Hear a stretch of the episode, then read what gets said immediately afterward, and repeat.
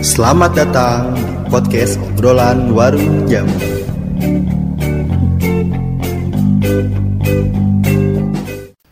Hai, ketemu lagi sama gue Aldian Anarki di konten versi gue dari podcast obrolan warung jamu. Gimana kabar lo semua? Semoga semua hal berjalan dengan sebagaimana mestinya yang lo harapkan ya. Setelah seminggu kemarin podcast wajah libur, nggak ada konten gitu ya. Karena ya gue dan Satrio lumayan sibuk gitu sama pekerjaan masing-masing. Ditambah lagi tugas-tugas kampus yang deadline-nya mepet-mepet banget. Jadi agak kurang ke-handle gitu list konten yang ada di podcast Oaja. Tapi semoga setelah ini podcast Oaja bisa konsisten upload lagi. Fuck lah, kayak ada yang dengerin aja gitu nih podcast. Well, ke depannya konten versi gue mungkin akan ada dua jadwal upload. Kalau nggak pagi, ya sore. Diseling aja gitu. Tapi tetap hari Senin. Dan untuk konten reguler yang ngobrol dengan tamu, jadwalnya tetap akan malam Sabtu. Sekitar jam 8 atau jam 9 malam. Nah, di konten versi gue kali ini, gue akan membahas sesuatu yang menarik yang ada kaitannya dengan pekerjaan pastinya, yaitu startup. Fenomena yang cukup besar terjadi, bahkan sampai ke Indonesia. Bagaimana sejarahnya, apa definisinya, dan hal-hal lain mengenai startup akan gue bahas di sini. Well, mari kita mulai. Bubble.com adalah fenomena ketika banyak perusahaan.com didirikan secara bersamaan pada tahun sekitar 1998 sampai tahun 2000-an. Pada saat itu banyak banget perusahaan yang membuat situs web pribadinya, karena banyak dari mereka yang mulai sadar bahwa ada peluang bisnis yang sangat besar di internet. Dan pada saat itu juga startup lahir dan dikembangkan. Kalau di Wikipedia sendiri, startup memiliki arti lembaga atau perusahaan yang bergerak di bidang bisnis teknologi yang belum lama beroperasi. Perusahaan-perusahaan ini biasanya masih tahap pengembangan dan penelitian untuk menemukan pasar yang tepat. Tapi menurut Ronald Wida dari temanmacet.com, bisnis rintisan atau startup itu nggak melulu perusahaan yang berhubungan dengan teknologi, dunia maya, aplikasi atau bahkan produk digital. Tapi bisa juga bisnis mengenai layanan dan pergerakan ekonomi kerakyatan yang dapat tumbuh secara mandiri tanpa bantuan dari korporasi yang lebih besar atau sudah mapan. Biar lo gampang gitu ya, nebak mana startup mana bukan, gue kasih tahu beberapa karakteristik sebuah perusahaan bisa dikatakan sebagai startup. Nah, yang pertama ada usia perusahaan. Biasanya sih perusahaannya belum lama gitu, ya kurang lebih baru tiga tahun lah berjalan. Karena masih proses riset dan bikin strategi yang tepat. Nah, buat lo yang lagi bikin sesuatu dan ngerasa belum ada hasilnya, sabar aja gitu ya. Pelan-pelan, nggak sekarang, tapi nanti. Nggak cepat, tapi pasti. Sedap. Nah, yang kedua ada jumlah karyawan. Umumnya jumlah perusahaan startup tuh minimalis, dikit banget. Biasanya kurang dari 30 orang. Dan kayaknya lo akan dituntut untuk bisa multitasking alias avatar yang bisa menguasai banyak elemen. Lalu yang ketiga ada website. Perusahaan startup menggunakan website sebagai sarana utama untuk berjualan atau memberitahu detail tentang produk atau jasa yang mereka miliki.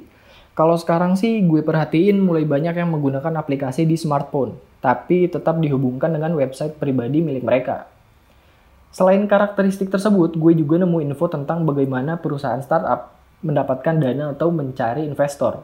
Nah, di antaranya adalah bootstrapping. Nah, bootstrapping ini um, biasanya mereka memanfaatkan link atau kenalan. Kalau dirasa bisa nih diajak kerjasama, ya udah lo tinggal obrolin aja gitu. Yang kedua ada seed funding, presentasi atau pitching. Pitching gak tuh? Biasanya mereka melakukan presentasi ke calon investor, ngejelasin tentang program dan strategi yang mereka miliki, yang lagi-lagi tujuannya untuk dapat duit dan bisa mendanai perusahaan mereka. Nah, kalau yang ketiga itu ada yang namanya seri AB funding. Kalau startup mereka udah lumayan gede nih dan dikenal banyak orang, biasanya mereka siap untuk menerima pendanaan dari venture capital Venture capital sendiri adalah modal dalam bentuk uang yang diberikan kepada startup yang, poten yang potensial dan sedang berkembang, namun dengan beberapa ketentuan. Nah, biasanya nih, startup itu menawarkan saham sebagai timbal balik dari pendanaan yang diperoleh dari venture capital. Sekarang gue akan mengajak lo untuk membahas tentang perkembangan startup di Indonesia. Perkembangan startup di Indonesia ternyata sangat pesat. Bahkan ada startup asal Indonesia yang udah berasal, berhasil jadi unicorn Unicorn sendiri adalah startup yang memiliki valuasi nilai sebesar 1 miliar US dollar. Selain unicorn, ada juga nih beberapa sebutan untuk startup yang apa ya bisa dibilang udah gokil gitu. Sebutannya itu ada Dekakorn, yaitu startup yang memiliki nilai valuasi sebesar 10 miliar US dollar. Dan juga ada Hectocorn, yang memiliki nilai valuasi 100 miliar US dollar. Gokil kata. Dan be beberapa artikel yang gue baca, uh, menurut riset yang disebut dari Pak Jokowi nih, presiden lo pada, sama presiden gue juga, katanya di 2019 Indonesia itu udah punya empat unicorn, yaitu Gojek, Traveloka, Tokopedia, dan juga Bukalapak. Dan di antara perusahaan-perusahaan tersebut ada dua yang berpotensi menjadi dekakorn, tapi nggak disebut untuk perusahaannya itu apa. Selain empat startup tadi, di Indonesia setiap tahunnya bahkan setiap bulan ada banyak banget startup yang bermunculan. Dilansir dari dailysocial.net, saat ini seenggaknya ada lebih dari 1.500-an perusahaan startup lokal di Indonesia. Yang hal ini tentu saja didukung dengan semakin mudahnya akses internet dan juga pertumbuhan pengguna internet di Indonesia. Kalau kata Rama Mawaya, CEO dari dailysocial.net, uh, itu menurut beliau ada tiga kelompok startup di Indonesia, yaitu yang pertama ada perusahaan game developer, yang kedua ada perusahaan developer aplikasi edukasi, dan yang ketiga ada e-commerce atau kayak semacam marketplace. Dan semuanya memiliki potensi pertumbuhan yang sangat pesat dan juga cepat. Cepat pesat sama aja gitu. dan selain itu udah banyak juga nih komunitas pendiri startup. Di antaranya adalah Bandung Digital Valley ada juga Jogja Digital Valley, ada Ikitas, dan yang keempat ada station.org.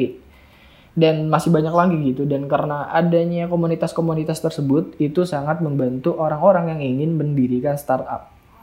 Nah, um, sebenarnya masih banyak banget hal-hal tentang startup yang bisa gue bahas di sini, cuma kayaknya akan gendut gitu kalau misalkan gue bahas semua. Mungkin akan gue potong-potong jadi beberapa episode. Nah episode ini mungkin cukup sampai sini dulu. Ini menurut gue pembahasan yang cukup menarik sih buat gue bahas tentang startup. Gimana? Lo tertarik untuk ikut ke dalam fenomena ini? Well, semoga episode kali ini bermanfaat buat lo. Sorry kalau misalkan ada salah kata atau salah penyebutan. Selamat sore, semoga menghibur and see you on the next episode. Bye. Terima kasih telah mendengarkan podcast obrolan warung jamu. Terima kasih telah mendengarkan podcast obrolan warung jamu.